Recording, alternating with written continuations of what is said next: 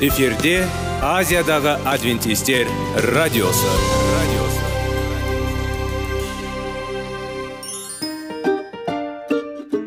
сәлем достар. Денсаулық өмір бұлағы және біздің бірінші байлығымыз демекші денсаулық сағаты рубрикасына қош келдіңіздер. Біздің рубрикада біз әртүрлі факторларменен мәліметтерменен кеңестерменен бөлісіп шын жүректен сіздердің дендеріңіз сау болғанын қалаймыз. Сол үшін біздің рубрикаға қош келдіңіздер. Дайындалып тұрыңыздар. Өйткені келесі минуттарда қызықты фактілерге ие боласыздар. Енді достар ең бірінші байлығымызды қолымызға алып алға кеттік.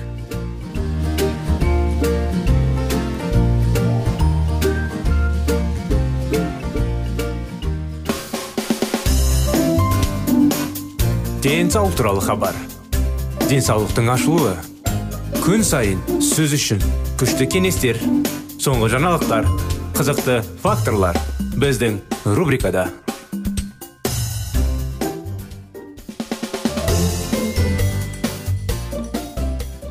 қош келдіңіздер біздің денсаулық сағат бағдарламамызға құрметті біздің тыңдаушыларымыз құрметті достар ассалаумағалейкум қытайлар зерттеулері тақырыбын біз ары қарай жалғастыра кетеміз неліктен бұл сарбаздарда миокард инфарктісі болған жоқ өйткені олардың артериялары тек 10 пайызға ашылды бұл жеткілікті болуы мүмкін бе егер бляшка артерияның ішкі қабырғасында. Баяу бірнеше жыл бойы пайда болса онда қан ағымының бейімделуге уақыты бар.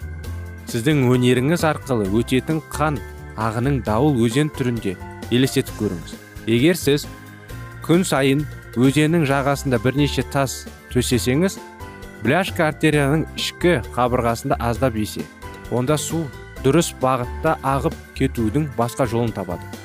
Мүмкін ол тастардың үстінен өтетін бірнеше ағындарға бөлуі мүмкін. Немесе тастардың астынан өтіп кішкентай түндер пайда болады. Немесе оның арнасын толығымен өзгертіп кішкене бүйірлік алғашында құрайды. Бұл жаңа кішкентай ағындар айналасында немесе тастар арқылы калориялар деп аталады. Дәл осылай жүрекпен де болады. Егер бляшка бірнеше жыл ішінде пайда болса қанның жүрек арқылы өтуіне мүмкіндік беретін жеткілікті кепілдіктер пайда болады. Атеросклеростикалық бляшканың тым көп мөлшері қан ағымына елеулі кедергі келтіруі мүмкін. Бұл жүректің әлсіреуіне немесе стенокардияға келеді. Алайда мұндай өсу түрі бляшка сирек миокард инфарктісін тудырады. Сонымен миокард инфарктісіне не әкеледі? Кішкентай артеро екендігі белгілі болды. Артерия саналауының елу пайыздан азың бұғайттың склеротикалық бляшкалар миокард инфарктісінің қатысы. Осы бляшкалардың әрқайсында шина деп аталатын жасуша қабаты бар. Ол бляшканың өзегін қан ағымен бөледі. Қауіпті бляшкаларда шиналар әлсіз және жұқа. Кейіннен қан ағымы шинаның эрозиясын оның жыртылуына дейін тудыруы мүмкін. Шина сынған кезде оның астындағы бляшканың ядросы қанмен араласады. Содан кейін қан жыртылған жердің айналасында тромб түзе бастайды. Тромб мөлшерде ұлғаяды және артерияны тез бұғаттай алады. Артерия осындай қысқа мерзімді бітелген кезде кепілдік пайда болуы екі талай бұл кезде тромбтың пайда болуы аймағында қанның қозғалысы айтарлықтай қиындайды және жүрек бұлшықеттері қажетті мөлшердің оттегі алмайды. Бұл кезде жүрек бұлшықеттің жасушалары өле бастағанда жүрек қан сору механизмі бұзылады. Ал адам кеудегі ауырсындуы немесе қолындағы ауырсынуды мойын мен жақ сүйегін бере алады. Миокард инфарктісі әрбір үшінші адамды өлтіреді. Оның құрбанына айналған. Бүгінгі таңда бляшкалар кішкентай және орташа мөлшерде болатының белгілі. Артериялардың бітелуі елу пайыздан аз. Өмірге үлкен қауіп төндіреді. Миокард инфарктісінің басталуын қалай болжауға болады? Өкінішке орай қолданыстағы технологиялар бұған жол бермейді. Біз бляшка шинасы қай жерде бұзылатынын қашан болатынын және оның салдары қаншалықты ауыр болатынын алдын ала біле алмаймыз. Алайда біз миокард инфарктісінің пайда болу қаупін білеміз. Ғылыми құпияның қақпағын бұрын жұмбақ өлім деп саналған. Олардың ең жемісі жылдарында адам өмірін қиған. Бірде бір зерттеу фрамингемнің жүрек зерттеу сияқты мағынаға ие болмады. Фрамингем екінші дүниежүзілік соғыстан кейін ұлттық жүрек институты құрылды. Ол қарапайым бюджет және қиын миссия болды. Ғылым бұл май бляшка өтетін ішінен зақымданған ортаңғы артериясы тұрады. Холестерин фосфолипидтер мен май қышқылдары. Бірақ зерттеушілер бұл патологиялық өзгерістердің неге және қалай пайда болатынын олардың миокард инфарктісіне қалай әкелетінін білмеді. Осы сұрақтарға жауап іздеп ұлттық жүрек институты бірнеше жыл бойы халыққа бақылау жүргізуге шешім қабылдады. Медициналық көрсеткіштерді егжей тегжейлі көрсетіп жүрек қан тамырлары аурулары кімде пайда болатынын және кімде жоқ екенін көреді. Бұл үшін ғалымдар массачусетс штатындағы фрамингем қаласына бет алды. Бостанға жақын жерде орналасқан фрамингем американдық тарихпен демалды. Көптеген жылдар бойы бұл қала тәуелсіздік соғысында сәлем мақтың үстіндегі процестерде және құлдылықты жою үшін күресе маңызды рөл атқарды. Бұрынғы уақытта 1948 жылы бұл қала өзінің ең танымал рөлін атқарды. Фрамингемнің бес мыңнан астам тұрғыны ерлер де әйелдер де бірнеше жыл бойы ғылымдардың айла шарғы жасушасына келісті. Сондықтан біз жүрек тамыр аурулары туралы көбірек біле аламыз. Біз шынымен бір нәрсе білдік. Жүрек қан тамырлары аурулары бар. Ал кімде кім жоқ екенін бақылау және олардың ауру тарихын салыстыру арқылы. Фрамингемнің жүрек зерттеу холестеринге қан қысымына физикалық белсенділікке темекі шегуге және күйдіруге байланысты қауіп факторлары туралы түсінік қалыптастыруға мүмкіндік берді.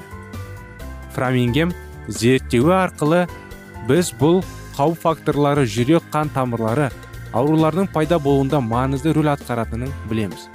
Көптеген жылдар бойы дәрігерлер жүрек қан тамырлары ауруларының пайда болу қаупі жоғары және кім жоқ екенін білу үшін рамингемнің болжау моделін қолданды. Осы зерттеу негізінде мыңнан астам ғылыми жұмыстар жарық көрді және бағдарлама әлі де жалғасуда. Бүгінгі таңда рамингем тұрғындарының төрт кездесу зерттеуінде өтті. Осындай анықтама құрметті достар зерттеулер жайлы. Бағдарламамыз аяғына келіп жетті. Жалғасын келесі жолы жалғастырамыз. Келесі бағдарламамызға дейін сау болыңыздар.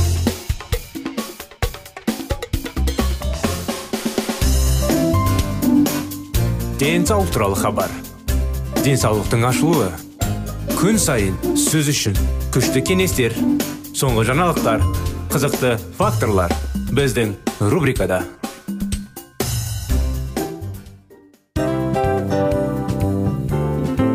Әуелі байлық денсаулық екінші байлық он саулық үшінші байлық ақ жаулық. Ал енді осындай радио парақшадан кейін не дейміз? Барлықтарыңызға денсаулықтарыңыз зор болсын деп тілейміз. Денсаулықтың өзгеруі кішкентай нәрселерден басталады. Осымен біз берген кеңестер мен мәліметтер шын жүректен сіздер үшін қандай да бір болсын жәрдем берді деп үміттенеміз. Тыңдаушыларымызбен келесі радио парақшасына дейін қоштассамыз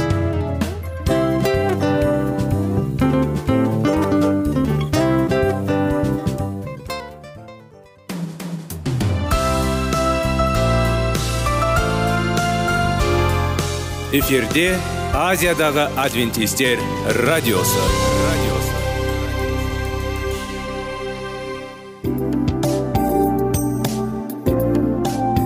сәлем достар.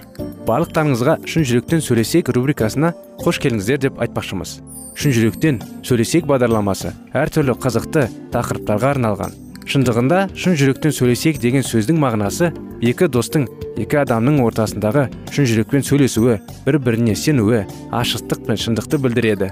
Сол үшін біздің бағдарламалар әртүрлі қызықты тақырыптарға арналған. Дайындалыңыз жаңа қызықты мәліметтерге ие болуға. Ондай болса кеттік.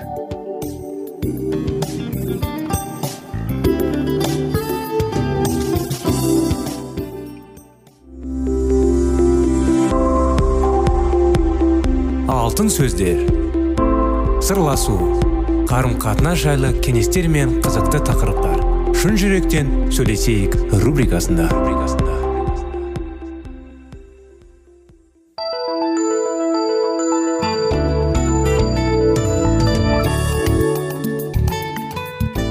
Армысыздар құрметті достар құрметті радио тыңдаушыларымыз сіздермен бірге шын жүректен сөйлесейік бағдарламасы. Келіңіздер. Бірге 25 керемет неке оқиғаның құдайдың көмегі жайлы. Оқиғаларда әрине некені дұрыс қалыпта сақтау әрдайым керме неке болатындай оқиғалардан кеңес алып бірге зерттейік. Болған оқиғаның өңгесі. Біздің жүректегі жараларымыз бірден жазылған деп айтсақ өтірікші боламыз. Келесі екі жылдың ішінде құдайдың алдында адал жүруге әрі бірге тұруға үйреніп жүргенде жан дүниеміз шайқала беріп. Күреске толы болды. Әйел бастығының берген ақыл кеңесі есімізге түсе беретін. Кейде біз рухани ер жетпегенімізден кемшіліктерімізге бола ашуланып бір бірімізге тіл тигізбейтінбіз төрт жыл бірге тұрғаннан кейін әбден шаршап шалдыға кетті. Былай айтқанда біз кечелерімізді салдарымызда өмір сүрдік.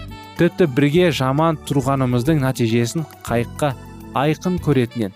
Соның мысалы сынақ тоңазытқыш немесе жана терезеде еді бірақ құдайдың өзі үмітін үзген жоқ. Ол біздің қателерімізді түзетіп бізге жаңағындай кеменің жоға жағын тазалауға мүмкіндік беріп отырады. Жауымыз біздің некемізді жойғысы келсе де жаратқан ие оған болашақтың негізін салады берді. Отбасымызда болған ұрыс керіс жөнінде айтқан болсақ та толық айтқан жоқпыз. Қазір өзімізді ақтау үшін емес барлық жағдайлар жақсылыққа өзгерсе алатынын сізге көрсетіп сол жайында ашық түрде сөйлескіміз келді. Сонымен бірге зорлық көрсетудің ақыры жақсы болмайтынын айтпаймыз. Осындай қауіпті жағдайда еркек пән әйелге әрі балаларға қала беруге болатынын сенбейміз. Егер сіз отбасыңызда осындай жағдайға ұшыраған болсаңыз онда сізге міндетті түрде қауіпсіз жерге кету керек. Бұдан ұялатын ештеңесі жоқ. Өзіңіздің қамыңызды ойлап керекті жәрдем тауып алыңыз. Сіз сол жайлы кейінірек сөйлесеміз осы алғашқы бірге тұрған кезімізде. Некеміз құрып кетті де ау деген ойдан үмітіміз үзіліп кетті. Бірақ 30 жылдан кейін бір бірімізді бақытты отбасымыз бұл кереметтер жасайтын құдайдың құдіретінің нәтижесі. Әрине біздің басқа қиындықтарымыз да бар болатын. Жаратқан ие біздің барлық қиындықтарымызды өткізіп сүйіспеншіліктің пайдасы болу үшін дұрыс шешім қабылдадық. Біз сіздің отбасыңыздағы жағдайды қандай екенін білмесек те сіз үміт бар ден нық сенеміз құдайға шын жүректен бет бұрып оған сөзді өзгертуге жол беріңіз. Сіздер бір біріңізді өзгерте алмайсыздар. Тек жаратқан ие ғана мұны істей алады. Барлық мәселелерді оған тапсырыңыздар. Егер ол сіз оған жол берсеңіз онда ол сізді ерекше өзгертуге бастайды.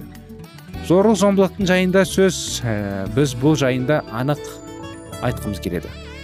Күйеуі өз әйеліне ешқашан қолын көтермеу керек. Керек тап әйеліңізді сыйлап оған нәзік жан ретінде қарауыңыз керектігін айтады. Егер әйеліңіз шыдамай өз аузына ие боламай сізге қолын көтерсе де оған есесін қайтаруыңыз керек. Керек болса оның қосынан қасынан қалып тұрыңыз. Егер тіпті ол сізге қолып қолын көтерсе есесін қайтармаңыз. Әйтпесе өзіңізге деген сенімін кетіріп аласыз. Ол өзін сіздің жаныңызда қауіпсіздікте жүргенде сезіне алмайтын болады.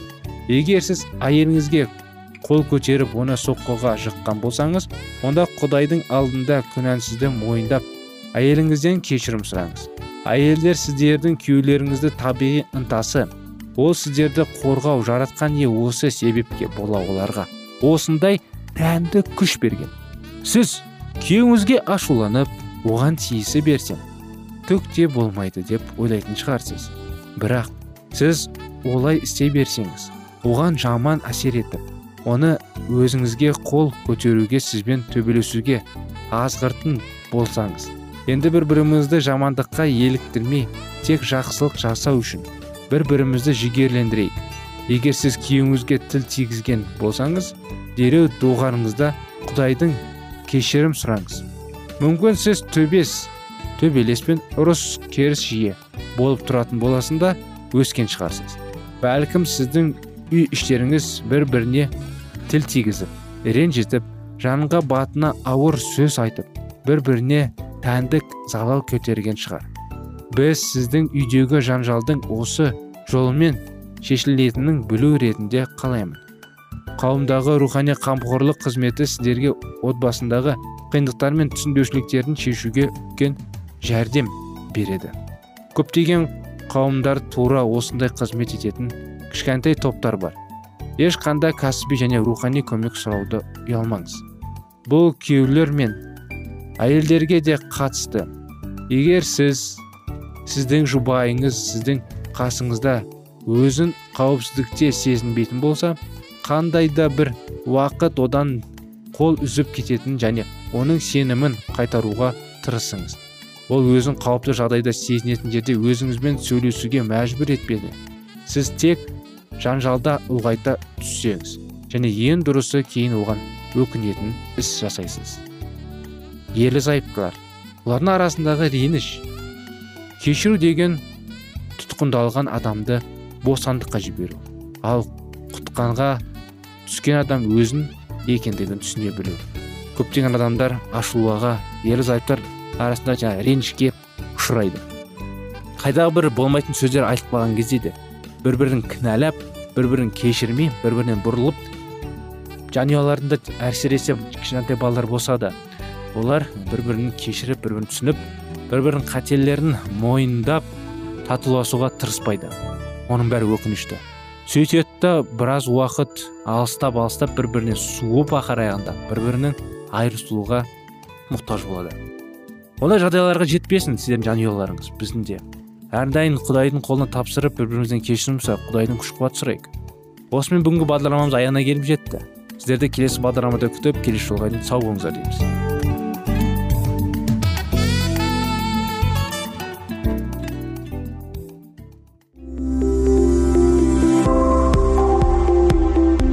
Алтын сөздер. Сырласу қарым қатынас жайлы кеңестер мен қызықты тақырыптар.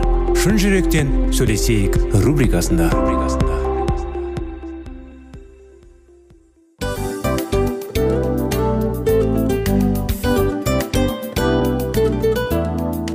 Құрметті достар барлық ең соңғы кеңестер аяқталған соң біздің программамыз соңына келіп қалды. Осы біздің мәліметтер осы рубрикада айтылған әрбір сөздер сіздерге өзінің қандай да бір пайдасын алып келді деп шын жүректен сенеміз. Және бұдан да көптеген рубрикаларымыз бар. Басқа рубрикаларымызда біздің зерттеулерімізде сіздер үшін тағы да қызықты мәліметтер дайын.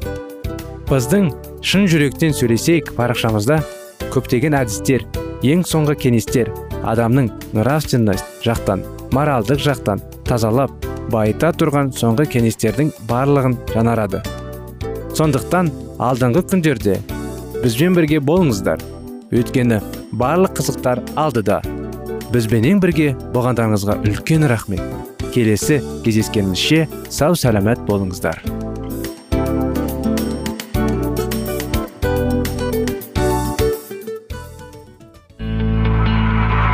Жан дүниеңді байытқан жүрегіңді жаңғыртқан өмірдің мағынасын ойландырған рухани жаңғыру. Рубрикасы.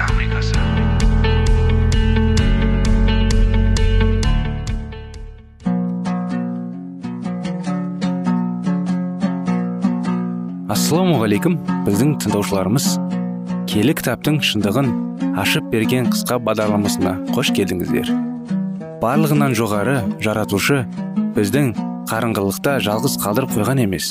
Өйткені ол келешекте не болу керек екенін киелі кітаптың парақтарында ашып береді. Немесе келіңіздер бізге қосылыңыздар. Жаратушы бізге нен ашып бергенін зерттейміз. Даниял пайғамбардың кітабының сегізінші тарауындағы 2300 кештер мен таңдар сонан сан қасиетхана тазарады.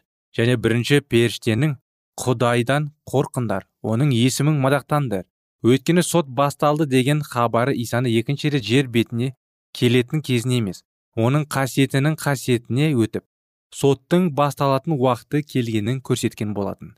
Имандылар киелі жазбаны зерттеу кезінде жіберіп алған қателерінің салдарынан көп зардап шеккендермен жоғарыда айтылып кеткен аян уақытты толған кезде аса бір дәлдікпен орындалды. Алланың екінші рет жер бетінде келер алдындағы орындалуға тиісті болған оқиғалар тарихтан өз орнын тапты. Мәсіх келді. Бірақ адамдар күткендей жер бетіне емес көктегі құдай үйдің келесінің келесіне енді және өзінің жер бетіне келер алдындағы соңғы қызметіне кірісті. Бұл жөнінде даниял пайғамбар былай деп жазды. Мен сол түні көріп жатқан көріністерді кенеттен адам баласына ұқсайтын біреудің аспандағы бұлттармен келе жатқанын байқадым. Ол мәңгі жасап келе жатқан құдай тағалаға жақындап келіп оның алдына әкелінді. Осы женінде малахи пайғамбар да жазды. Біліп алыңдар мен алдымнан хабаршымды жіберемін. Ол жүретін жолымды дайындап қойды. Сендер іздеп жүрген жасаған ие кенеттен өзінің ғибадатханасына келеді. Сендер аңсап жүрген келісімнің хабаршысы еш шүбәсіз келетін болды деп ескертеді әлемнің иесі. Тәңірдің көктегі ғибадатханаға кіргені кенеттен болған оқиға. Жұрт оның жалындаған от болып жерге келеді деп күтіп отырды. Еміс мәсі құдіреті періштелермен бірге жалындаған отпен көктен түсіп келгенде құдайды менсінбей еміс исаның ізгі хабарына құлақ аспай жүргенде жазаланды. Оның үстіне халық исаның екінші рет жер бетіне келуіне әлі де болса дайын емес еді. Олар бұл оқиғаны салтанатты түрде дайындалу керек болды. Бұл жөнінде пайғамбар былай дейді. Бұл күні кім шыдар алар екен? Оның алдында кім тұрар алар? Өйткені алла жалындағы отпен тең. Ол алтын мен күмісті тазартқандай өз халқын қорытып тазартынады. Себебі олар құдай алдында шындықпен келулері керек. Сол мезгілде жерде тұрып жатқан адамдар мәсіхтің көкте орналасқан қасиетханадағы қызметі аяқталған кезінде құдай алдында келіп ашашысыз тұрады. Олардың киімдері ешбір дақсыз тап таза болу керек. Мінездері исаның қанымен жуылып тазартылуға тиісті. Құдайдың мейірімінің және өздерінің күш салып сарсуларының арқасында зұлымдықты жеңіп шығып алланың алдында жеңімпаз болып тұрулары керек. Тергеу сотты жүріп көктегі қасиетхана тәубаға келген жандарды күнәсынан тазартып жатқанда жерде де құдай халқының арасында айрықша күнәдан тазартылу жұмысын жүріп татуға тиісті. Бұл жұмыс жайлы ашық кітаптың он төртінші тарауында жақсы жазылған. Осы жұмыс аяқталған кезде құдай халқы онымен кездесуге дайын болды. Сонда ежелгі кездердегі секілді яхуда мен иерусалемнің құрбандығы құдайға жағымды болды. Сонда құдай өзі келген кезінде қабылдап алатын ғибадатханасы еш дағы жоқ қасіреті жоқ атақты ғибадатхана болды. Сол кезде олар тан шоғадан жарқыраған айдың нұрындай сымбатты күннің көзінде жарық және тауларын ұстап қатарларын түзеп шубылға дайындалып тұрған әскерде абырой болды. Ал сиқыршылар жүзекшілер өтірік ант су ішкендер еңбекқақы ұстап қалатындар жетімдер мен жесірлерді қысымға ұшыратындар жақындарын жауларына итеріп салтанындар және құдайдың қорықпайтындар үшін оның соты өте қатал болады.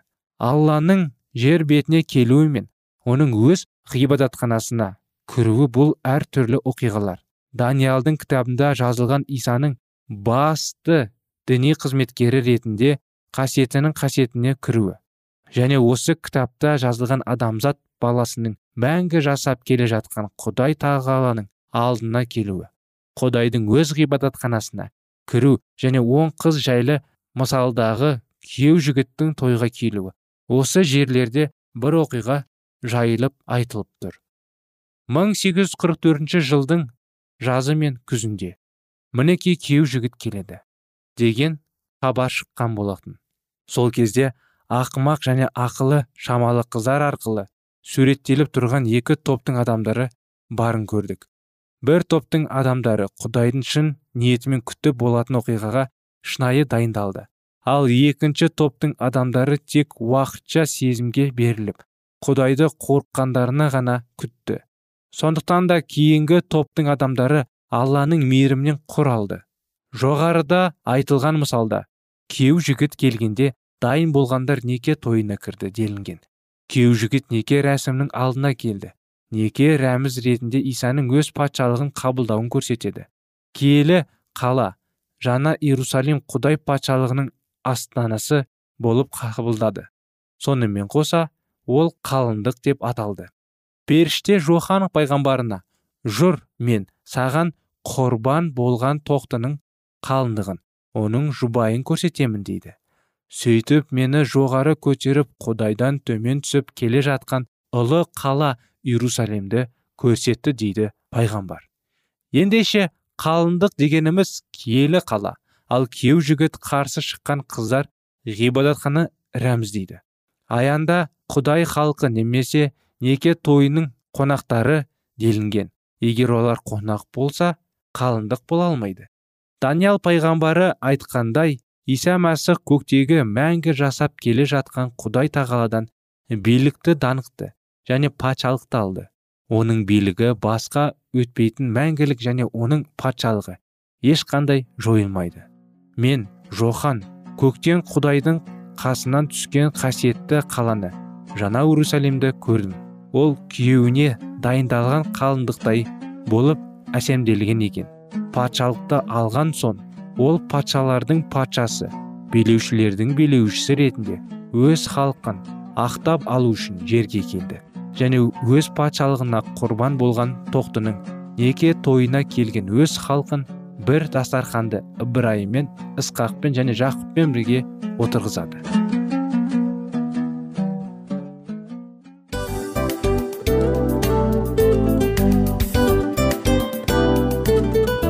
Осымен достар программамыздың зерттеуіміздің ең қайғылы минутына жеттік. Қайғылы дегенде бағдарламамыз тез арада өтті де кетті. Соған көңіліміз деп тұр. Жарайды қайғыны қояйық. Бүгінгі 24 сағаттың алтындай жарты сағатын бізге бөліп арнағаныңыз үшін рахмет. Егер де өткен сфераларда пайдалы кеңес алған болсаңыз біз өзіміздің мақсатымызға жеткеніміз. Тыңдаушыларымызбен қоштасу уақыты келді. Келесі кездесулерді сағынышпен күтеміз. Жарты сағатты кездесуіміз көз ашып шапқанша дем арасында өтіп кетті. Бірақ бізде жақсы хабар бар. Келесі зерттеулерімізде сөзсіз кездесеміз. Өйткені көптеген сюрприздер қызықты мәліметтерді және керекті нәрселерді көбін дайындадық.